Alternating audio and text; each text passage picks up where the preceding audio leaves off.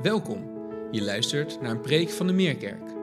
We hopen dat je door deze preek geraakt mag worden door de liefde van Jezus. En dat je aangemoedigd mag worden om Hem samen met ons te volgen en van Zijn liefde te getuigen.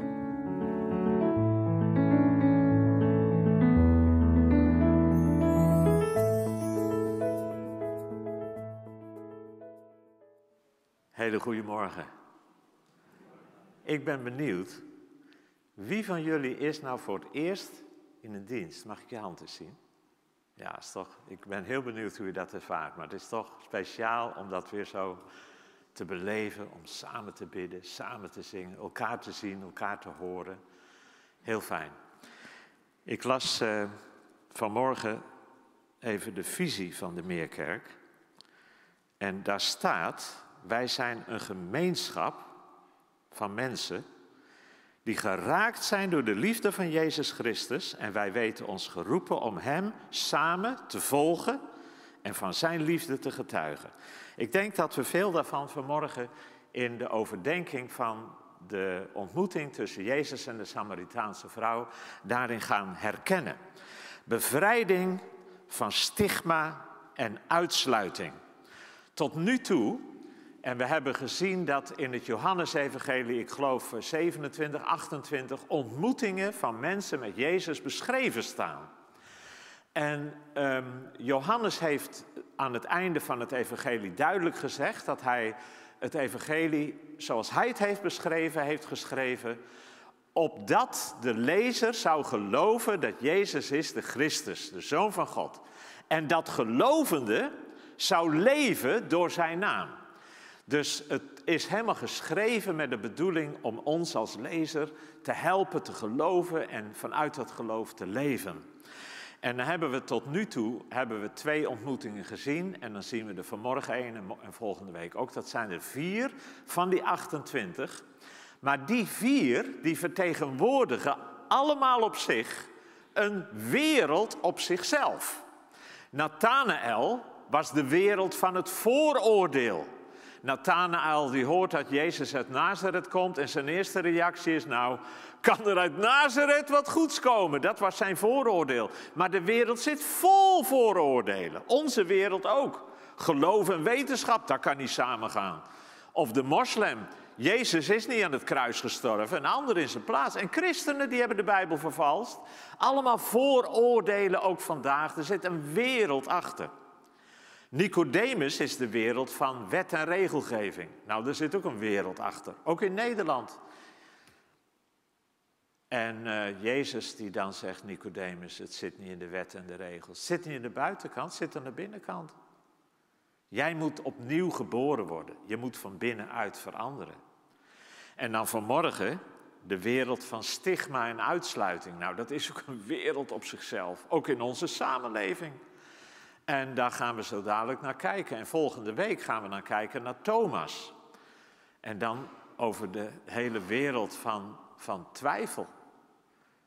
En dat is ook een wereld op zichzelf. En hoe komt Thomas daar overheen dat hij gelooft? Dus we hebben al veel geleerd. We moeten Jezus niet zo zonder meer aan de kant schuiven. We moeten Jezus een eerlijke kans geven. En wij hebben ook de verandering van binnenuit nodig, wie je ook bent. En dat, dat, daar begint het mee, maar daar gaat het ook mee door. Um, de kernvraag, waar alles eigenlijk om draait in het Johannesevangelie, maar je vindt dat ook terug in Matthäus, Marcus, Lucas. De vraag die telkens opnieuw terugkomt, wie is toch deze? Wie is Jezus Christus? En dan zien we, ik heb het net gezegd, het doel van Johannes waarmee hij het schrijft is dat wij zouden een antwoord zouden krijgen op die vraag, dat wij zouden geloven dat hij de Christus is, de Zoon van God. Je ziet in het Johannesevangelie ook iedereen zo tot die conclusie komen. Johannes de Doper, die ziet Jezus komen en die roept het uit voor mensen daaromheen en voor zijn volgelingen. Zie het lam Gods, dat de zonde van de wereld wegneemt. Nathanael, die komt tot de uitroep, u bent de zoon van God, de koning van Israël. En dan uh, zien we hier zo dadelijk bij de Samaritaanse vrouw die ontdekt, hij is de Messias. En dan komen de stadsgenoten, die later door haar verhaal ook naar Jezus gaan, die komen tot de erkentenis en zeggen: Wij geloven dat Hij de redder van de wereld is. Nou, je hoort die echo van wie is toch deze, die hoor je ook in de verhalen van de meerkerkers. Die zelf ontdekken, vandaag, hier, nu, wie Jezus is. Eigenlijk kun je zeggen dat is misschien wel de allerbelangrijkste vraag in het leven van wie dan ook. Het antwoord dat wij moeten geven op de vraag wie is Jezus? Ik ben opgegroeid in de Griffemeerde kerk en ik weet nog heel goed dat toen ik beleidenis deed hè, van mijn geloof, en dan word je door een ouderling aan de tand gevoeld. Ik had geen idee hoe dat zou gaan, dus ik zag er wel een beetje op, want ik wist niet wat me gevraagd zou worden. Maar die ouderling die mij uh, aan de tand voelde, die kende ik heel goed. Een hele aardige, lieve man. Die stelde me maar één vraag. En achteraf vind ik dat prachtig. Hij zegt, Joop, wie is Jezus voor jou? ik dacht, ja, dat is prachtig. Achteraf ook altijd gedacht, prachtig. Dat, dat is de vraag waar het allemaal om draait. Waar het mee staat of valt. Als jij hier naar de livestream kijkt, of je bent hier vanmorgen in Hoofddorp of op de camping of waar dan ook, en je bent niet zo tevreden met jezelf, je bent niet zelf ingenomen, je bent je bewust van je tekorten en je zonden. Misschien dat je gebukt gaat onder een bepaalde vorm van afwijzing, van discriminatie, stigmatisering dan denk ik dat het verhaal van de ontmoeting van Jezus met de Samaritaanse vrouw een openbaring zal zijn van Gods liefde voor jou. Dat Hij van jou houdt, misschien niet dat Hij zo blij is met alles wat je doet of hebt gedaan, maar dat Hij van jou houdt op een ongelofelijke manier. Dat veranderde haar en dat mag jou en mij ook veranderen. De Samaritaanse vrouw, ze is een Samaritaan. Wie zijn die Samaritanen? Een beetje kennis van de achtergrond, dat hebben we vorige week ook gezien bij Nicodemus. Hij was een fariseer. Dat een beetje kennis van die achtergrond, dat geeft het hele verhaal een nieuwe diepgang. Um, de Samaritanen die komen voort, die wonen ten noorden van Judea en Jeruzalem. En die, hun achtergrond is dat na koning David komt koning Salomo. Koning Salomo die heft enorme belastingen om zijn extravagante levensstijl te betalen. Als zijn zoon aan de macht komt, dan zegt hij: Ik ga de belastingen nog verhogen. En dan zeggen de tien noordelijke stammen van Israël: Toedeloe, dan zoek je het zelf maar uit, maar dan willen wij niks meer ermee te maken hebben. En dan komt er een scheiding tussen Noord en Zuid in Israël. Tien stammen en twee stammen. En dan in het jaar 732 na Christus komen de Assyriërs en die verslaan het tien stammenrijk en voeren de inwoners, de meeste daarvan, weg in ballingschap. En voor een deel worden ze uh, wordt hun lege plaatsen worden ingenomen door mensen die vanuit het buitenland worden ingebracht. En zo ontstaat er een soort van bastaardvolk. De Joden zien dat als een bastaardvolk, een mengelmoes. Die ook nog eens hun eigen versie van de Joodse godsdienst gaan ontwikkelen. En die ook een eigen tempel gaan bouwen op de berg Gerizim.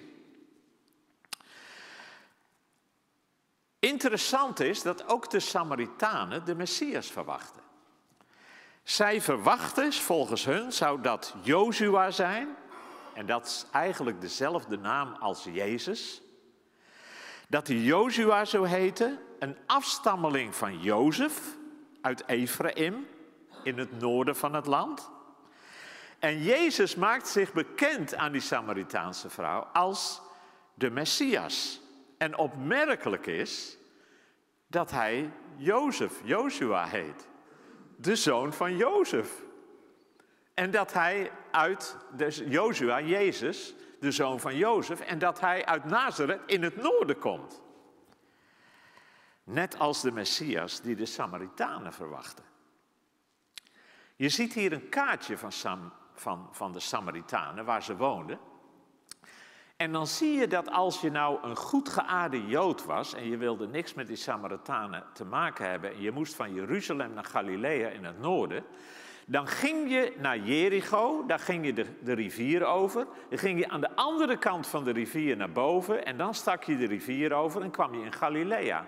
Van Jezus wordt gezegd, hij moest door Samaria gaan. Hij gaat van Jeruzalem naar Galilea. Hij moest door Samaria gaan. Of dat een soort goddelijk moeten is geweest, of dat dat een moeten is geweest van hij wilde zo snel mogelijk daar zijn, dus dan is de kortste weg door Samaria, dat weten we niet. Maar het is wel opvallend dat dat er staat. Hij moest door Samaria gaan. Veel goed geaarde Joden liepen er met een grote boog omheen, maar Jezus gaat er dwars doorheen.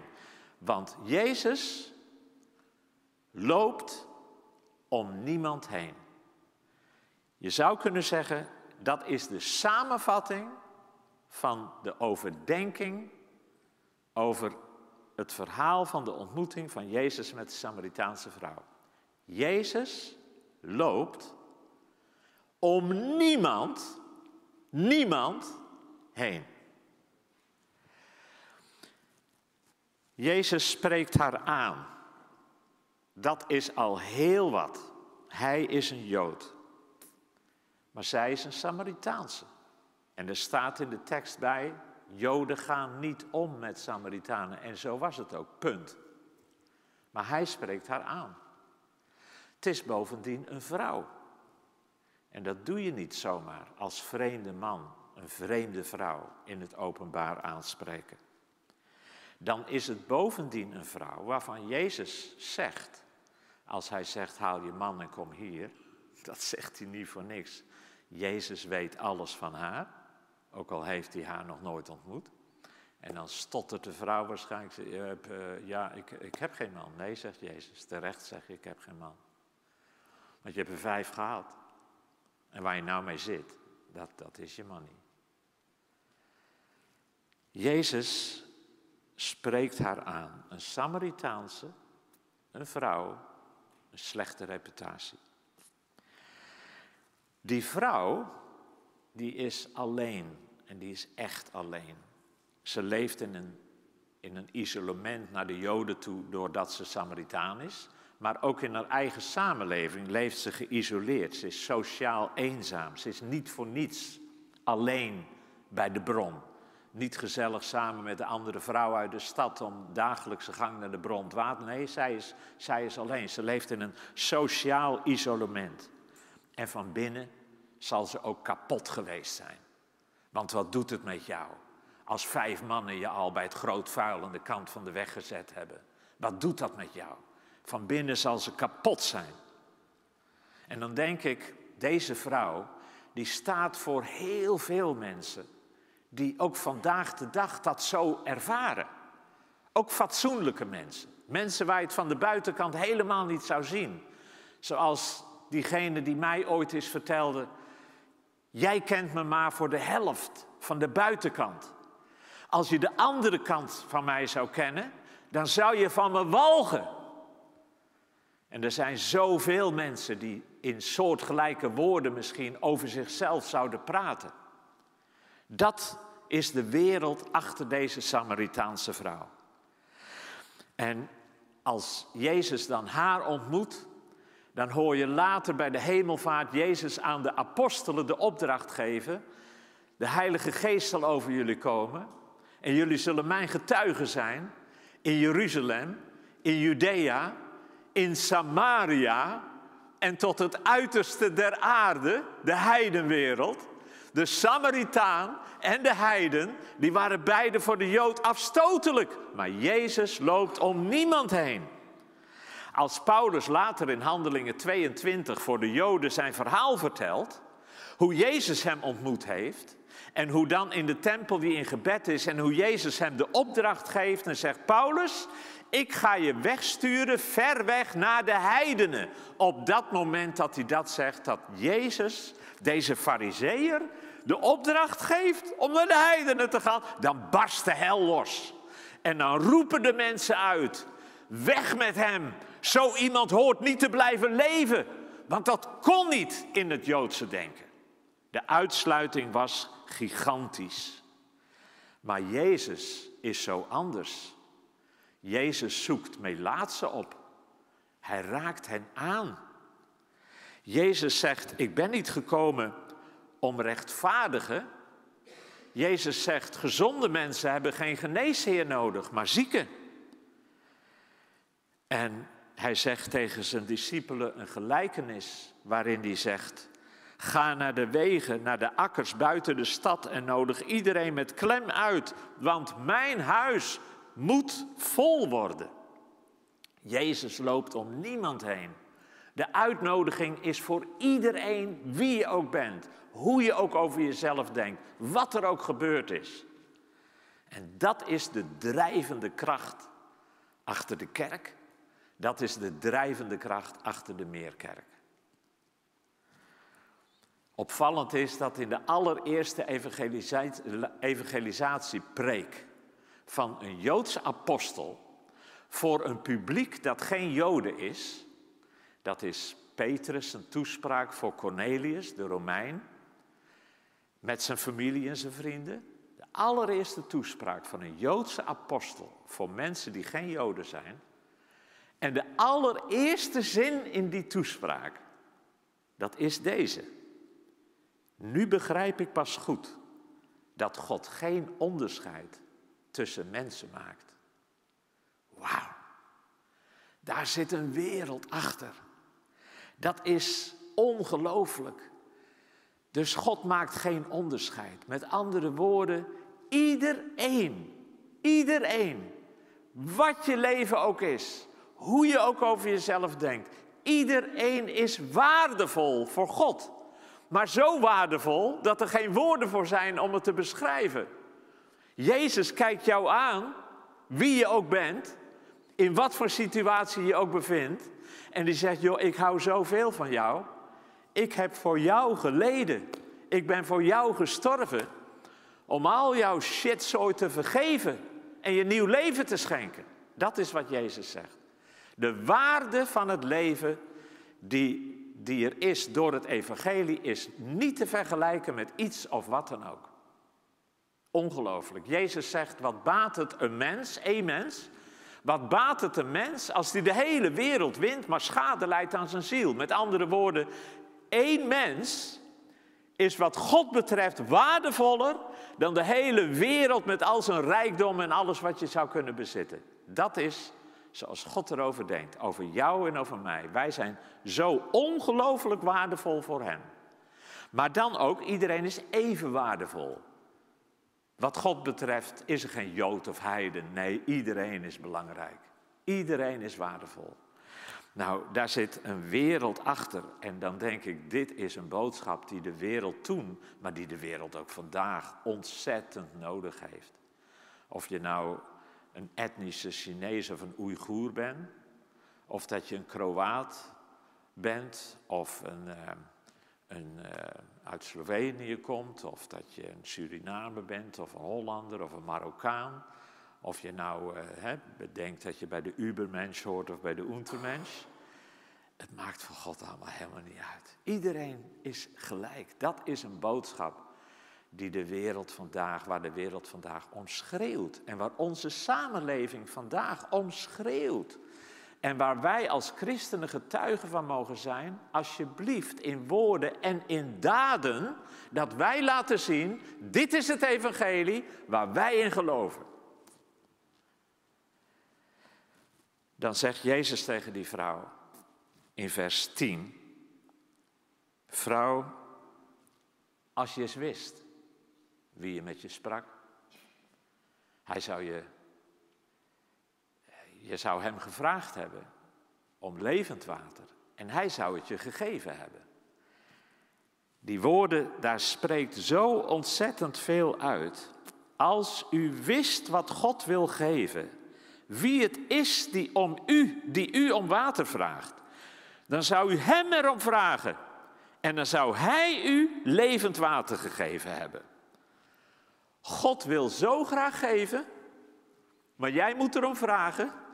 En de belofte is, als jij vraagt, dan geeft hij het ook. Prachtig, dit is het evangelie in een notendop. God wil zo graag geven. Wat is dat belangrijk? Sommige mensen die komen uit een achtergrond waar misschien door de kerk het is aangepraat. Ja, maar wacht even, zo makkelijk zit het niet in elkaar hoor. Het moet je allemaal wel gegeven worden en je weet niet of je wel ook uitverkoren bent. Dat mag je allemaal niet zomaar zeggen. Ladikoek, God wil geven, staat hier. God wil geven, wie je ook bent, Surin, Samaritaan of Jood, God wil geven. Maar jij moet het vragen. Jij moet het vragen. Jij moet op je knieën gaan zeggen: Heer, alstublieft, ik heb u nodig. Wilt u het mij geven? En dan is de belofte: dan zou hij u levend water hebben gegeven. Dat is de belofte. Vraag en hij zal het je geven. En dan is wat je hierin ziet en ook in die andere ontmoetingen, dat die vrouw die Jezus ontmoet, een ontmoeting met Jezus, dat wordt een ontmoeting met jezelf.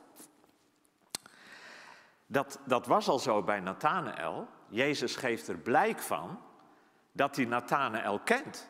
Helemaal. Ook voordat ze elkaar ontmoet hebben. En Jezus zegt, eh, ik zag jou al onder de, onder de vijgenboom.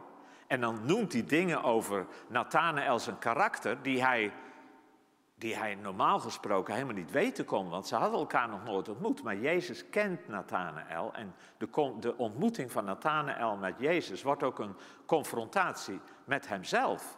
Een ontmoeting met hemzelf. Nicodemus is de vrome fariseer. Hij heeft het allemaal goed voor elkaar. Ruim 600 regels en wetten. Hij houdt ze allemaal. En dan ontmoet Jezus hem en dan zegt Jezus die begint over zijn hart te praten. En die zegt, Nicodemus, het gaat niet om de buitenkant, het gaat om jouw eh, binnenkant. En jouw binnenkant, die klopt niet, die moet opnieuw geboren worden. Jij moet van binnenuit veranderen. Die Samaritaanse vrouw, Jezus zegt, uh, haal je man er maar bij. Uh, ik heb geen man. Nee, terecht zeg ik, ik heb geen man. Je hebt er vijf gehad en waar je nou mee zit, is je man niet. Deze vrouw wordt plotseling geconfronteerd met zichzelf. Nou, dat is, ik denk, te kunnen zeggen, de ervaring die iedereen op de een of andere manier heeft als die dicht bij Jezus komt. Het was mijn ervaring, dit najaar, 50 jaar geleden, toen ik met vrienden het Johannesevangelie begon te lezen. En die eerste avond na Johannes 1 we samen stil waren om te bidden. En toen was het alsof Jezus in de kamer stond. Maar dat niet alleen. Allerlei dingen gingen als een film aan mijn gedachten voorbij, waar ik me voor schaamde. En ik zei, Heer, alstublieft, wilt u mij vergeven? Wilt u mijn leven binnenkomen en me van binnen wassen en rein maken? Ik wil zo graag anders leven. Ik wil met u leven. Een ontmoeting met Jezus, dat wordt een ontmoeting met jezelf. En wat heel belangrijk is, dat je dan niet wegloopt als het moeilijk wordt. Die Samaritaanse vrouw die had kunnen zeggen, wacht even, nou komt hij te dichtbij. En ze had, haar, had haar water gauw kunnen pakken en wegwezen terug naar de stad. Nicodemus die had kunnen zeggen, ja nou begin je over mijn binnenkant te praten, maar wacht even, daar gaan we niet mee bezig. Dat is het einde van het verhaal. Nathanael die had kunnen zeggen, wacht even, hij weet alles van me, dat wil, dat wil ik niet. En, en hij had kunnen wegwezen. Als het moeilijk wordt, loop dan niet weg. Want dan begint het pas. En dan is het misschien even moeilijk door de diepte, maar daarna wacht het leven. Ik denk aan een oud collega van me die vertelde, hij was piloot, ik heb het wel eens verteld, piloot bij Delta Air. En hij zegt, de dag dat mijn leven, ik hoorde het hem nog zeggen, de dag dat mijn leven veranderde, zegt hij. Dat was de dag, hè, piloot bij Delta Air, dat was de dag dat ik bij een groep anonieme alcoholisten zei, ik, en dan noemt hij zijn naam, ik ben alcoholist. Een ontmoeting met Jezus wordt een ontmoeting met jezelf. Maar je moet die confrontatie aan willen, niet uit de weg gaan, want dan begint het pas. Je hoort hierin als het ware de roep in Genesis, als Adam en Eva dingen gedaan hebben die God verbood. En ze zich verbergen als God verschijnt. En God die roept, mens, waar ben je? Wie is Hij? Wie is Jezus? Wie is toch deze? Dat is de roep door het evangelie heen. Als je het Johannesevangelie leest, dan begint het, dat heb ik ook al eens verteld, dat ik dit hoofdstuk, dat ik het hele Johannesevangelie met mijn vrouw gelezen heb, die nu twee jaar geleden is overleden. Voor haar overlijden lazen we het hele Johannesevangelie samen door, de hele handelingen der apostelen. Maar dat Johannes hoofdstuk 1 en wat wij daar toen over spraken, zal ik nooit vergeten. Het begint zo cryptisch. In de beginnen was het woord, het woord was bij God, het woord was God. Alle dingen zijn door dat woord geworden. Er is geen ding geworden dat geworden is dan door het woord geworden. En dan even later dan, het woord is vlees geworden. En het heeft onder ons, ah, het woord is vlees geworden. En het heeft onder ons gewoond. Dat woord is Jezus. Maar als je dan terug gaat kijken, Jezus was God. Jezus was bij God. Alle dingen zijn door het Jezus geworden. Er is geen ding geworden dat geworden is dan dat door Jezus is geworden. En Jezus heeft onder ons gewoond. En dat, dat we daarover spraken, zei Annie, als je nou komt te overlijden. Joh, dan ga je naar Hem toe. Die heeft jou bedacht. Die heeft jou gemaakt. Die heeft jou gewild. En die heeft jou zo ongelooflijk lief gehad dat Hij voor jou heeft geleden en is gestorven. Daar zijn toch geen woorden voor om die ervaring te beschrijven. Dat is heerlijkheid in het kwadraat. Wat zal dat fantastisch zijn? In die zin is doodgaan geen probleem. Wie is Jezus? Jezus was God, die als mens onder ons gewandeld heeft. Hij heeft onder ons gewoond, hij heeft onder ons getabernakeld, staat er letterlijk. Hij heeft ons vlees aangedaan en zo is hij onder ons geweest. Alle evangelisten zijn er duidelijk over. Matthäus beschrijft hoe drie keer mensen op hun knieën neervallen en hem aanbidden, hem de eer van God geven. Lucas beschrijft dat als de verlamde man genezen wordt, dat Jezus zegt, uw zonden zijn u vergeven. Dat de fariseeërs opspringen, zeggen, wacht, wacht, wacht, wacht, wacht, dat gebeurt hier. Zonde vergeven. Niemand kan zonde vergeven dan God alleen. Dat hadden ze goed begrepen. Maar ze wisten niet met wie ze te doen hadden. Het Marcus-evangelie maakt duidelijk dat Jezus wordt veroordeeld tot het kruis. Niet om wat hij heeft gedaan, maar om wie hij zei te zijn. De vraag wordt gesteld, zijt gij? En als Jezus dan zegt, ik ben, dan is het oordeel aan het kruis met hem. Hij is niet veroordeeld om wat hij had gedaan, maar om wie hij zei te zijn. En Johannes maakt het zo duidelijk. Jezus is God die onder ons gewoond heeft. God en mens. Maar hij is ook mens. En dat zien we hier in dit verhaal. Jezus zit vermoeid bij de bron neer. Wonderlijk, wonderlijk. Dat kunnen wij niet bevatten hoe dat allemaal samengaat. Hij was vermoeid en dat toont zijn menselijkheid. Zijn wonderen tonen zijn goddelijkheid, maar die andere dingen tonen ook zijn menselijkheid. Hij is echt aan ons gelijk geworden. En dan staat er, dat als je dit verhaal zo leest, dan zie je iets ook dat ontzettend mooi en belangrijk is. Dat Jezus het onderscheid maakt tussen de persoon en de levenswijze. Wie je ook bent, die Samaritaanse vrouw, God, Jezus hield van haar. Jezus gaat niet zomaar met haar praten. Nee, Jezus heeft het beste met haar voor. Jezus zou haar ook dat leven willen schenken waar hij voor komt, om dat aan iedereen te schenken. En dat wil hij ook aan haar schenken, die Samaritaanse vrouw. Jezus houdt van haar. Niet noodzakelijk van de manier waarop zij heeft geleefd. En dat is het onderscheid. De persoon en de levenswijze. Als Jezus jouw levenswijze afwijst, wijst hij jou niet af. Dat onderscheid moeten wij ook maken, voor onszelf en naar anderen toe. Als wij ervaren dat dingen in ons leven niet kloppen, moeten we niet denken dat God ons niet vindt kloppen. Als wij naar anderen kijken die dingen doen waar wij, waar wij niet blij van worden, dan moeten wij ook het onderscheid maken tussen die persoon waar we van houden kunnen. Die we een arm om, eh, die we een omhelzing kunnen geven, die we kunnen zeggen, joh, ik hou van jou. Niet noodzakelijk van alles waar jij voor staat en waar je, wat je doet en laat in je leven. Wij mogen komen bij Jezus zoals we zijn, maar het is niet de bedoeling dat we altijd blijven wat we zijn en wat we doen. Als Jezus die vrouw bij zich krijgt, betrapt, op hete daad betrapt staat er bij het plegen van overspel. En de fariseeërs slepen er bij de haren mee naar Jezus. En dan zeggen ze tegen Jezus, deze vrouw is op hete daad betrapt op overspel. De wet van Mozes zegt dat we die vrouw moeten stenigen. Wat zegt u? En dan geeft Jezus heel rustig zo'n prachtig antwoord.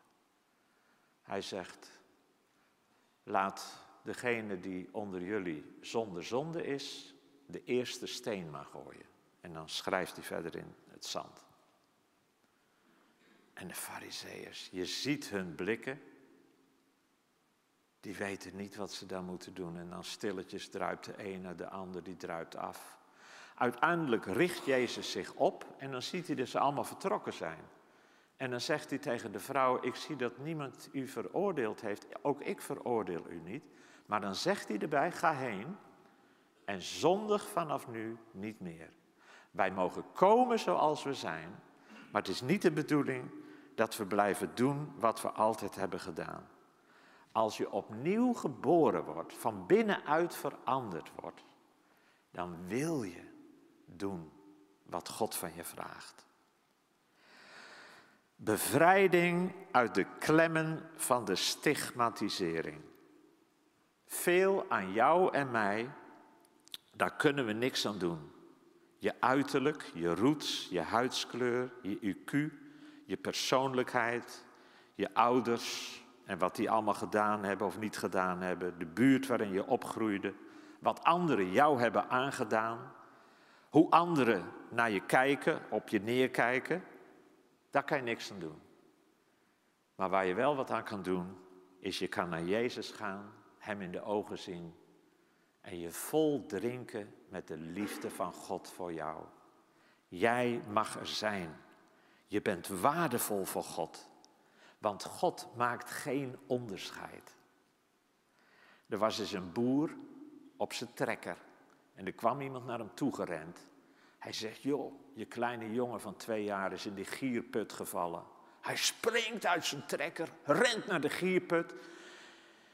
En nou is er gelukkig iemand die heeft die jongen uit die gierput weten te redden. Hij ziet zijn jongen huilend van de schrik. Hij pakt zijn jongen onder de stront en omarmt hem. Hij zegt, oh wat ben ik blij dat je er nog bent. Zo komt God naar ons toe, wat er ook gebeurd is. Hij is zo blij als wij bij Hem komen. Wat er ook gebeurd is. En dan zie je in die Samaritaanse vrouw tenslotte nog iets prachtigs mooi.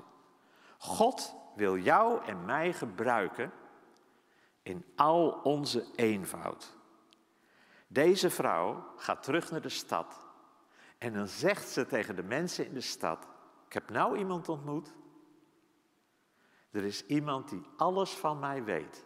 Nou, dat is een aparte opmerking, want dat weten de mensen in de stad ook maar al te goed. Daarom lopen ze allemaal met een boog om haar heen. Maar ze zegt, ik heb nou iemand ontmoet. Hij kon het niet weten, ik heb hem nooit eerder gezien. Hij weet alles wat ik heb gedaan. Zou dit niet de Messias zijn? En dan komen mensen uit de stad naar Jezus toe, die praten met hem. En dan later zeggen ze tegen de vrouw, we geloven nou niet meer om wat jij gezegd hebt. We hebben hem zelf gehoord en wij weten dat Hij is. Uh, wij geloven dat Hij de redder van de wereld is. Het eenvoudige getuigenis van iemand die net de ontdekking van zijn leven heeft gedaan, heeft iets heel bijzonders. Deze vrouw wist, wist niks. Ze wist niks. Het enige wat ze wist is, deze man, ja, dat moet de Messias zijn. En dat is wat ze zegt. En God gebruikt dat op zo'n prachtige manier. Er zit kracht in het eenvoudige, onbevangen verhaal van een jonge gelovige. En dan die andere stadgenoten, dat die dat later zeggen, dat ze zeggen, we geloven nou niet meer om het getuigenis van de vrouw, maar we, wij hebben hem zelf gesproken en wij weten dat hij de redder van de wereld is. Dat is ook iets dat ik weet nog zo goed als jonge gelovige, dat ik dit ook zo ervaarde. Dat ik begon te beseffen, ja, ik geloof nu niet meer om mijn vrienden en wat zij mij verteld hebben en wat ze me hebben uitgelegd. Nee, ik weet nu, omdat ik zelf, ik ben zelf de Bijbel gaan bestuderen, ik ben gaan bidden en ik ben met, met horten en stoten gaan leren om met Jezus te wandelen. En nou weet ik, nou weet ik dat Hij de redder van de wereld, dat Hij mijn redder is. En daar wil God jou en mij ook brengen. Wel, dat was de ontmoeting met de Samaritaanse vrouw. Wat je er ook van meeneemt, vergeet dit niet. Jezus loopt om niemand heen. Zullen we samen bidden?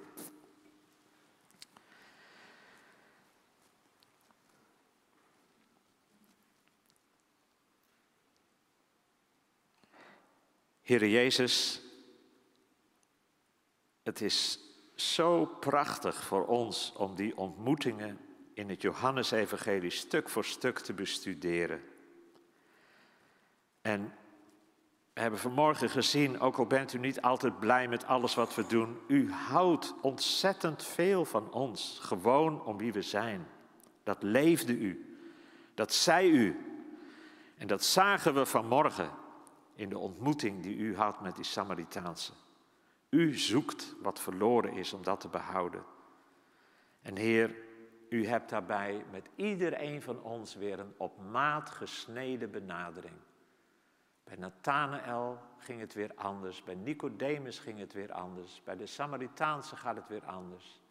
En bij iedereen van ons gaat het weer anders en geeft u ons ons eigen verhaal, ons eigen getuigenis. Heer, wat bent u prachtig. Wat bent u creatief, wat bent u mooi. En wat is het evangelie prachtig. Niets en niemand anders geeft ons leven zoveel waarde, maakt het zo kostbaar als dat u doet door het evangelie. Heer, straks gaan we zingen, waar u verschijnt, wordt alles nieuw. Daar hunkeren we naar. Dat we dat nieuwe leven mogen kennen en ervaren. Zoals u het hebt beloofd in zijn volle omvang en diepgang. Daar hunkeren we naar, daar hunker ik naar. En met elkaar, daar hunkeren we naar. Heere Jezus, dat we dat mogen kennen. Niets minder dan dat. Het leven zoals u het hebt bedoeld. En we danken u ervoor. We danken u en we prijzen u en eren u voor wie u bent en wat we vanmorgen van u gezien hebben.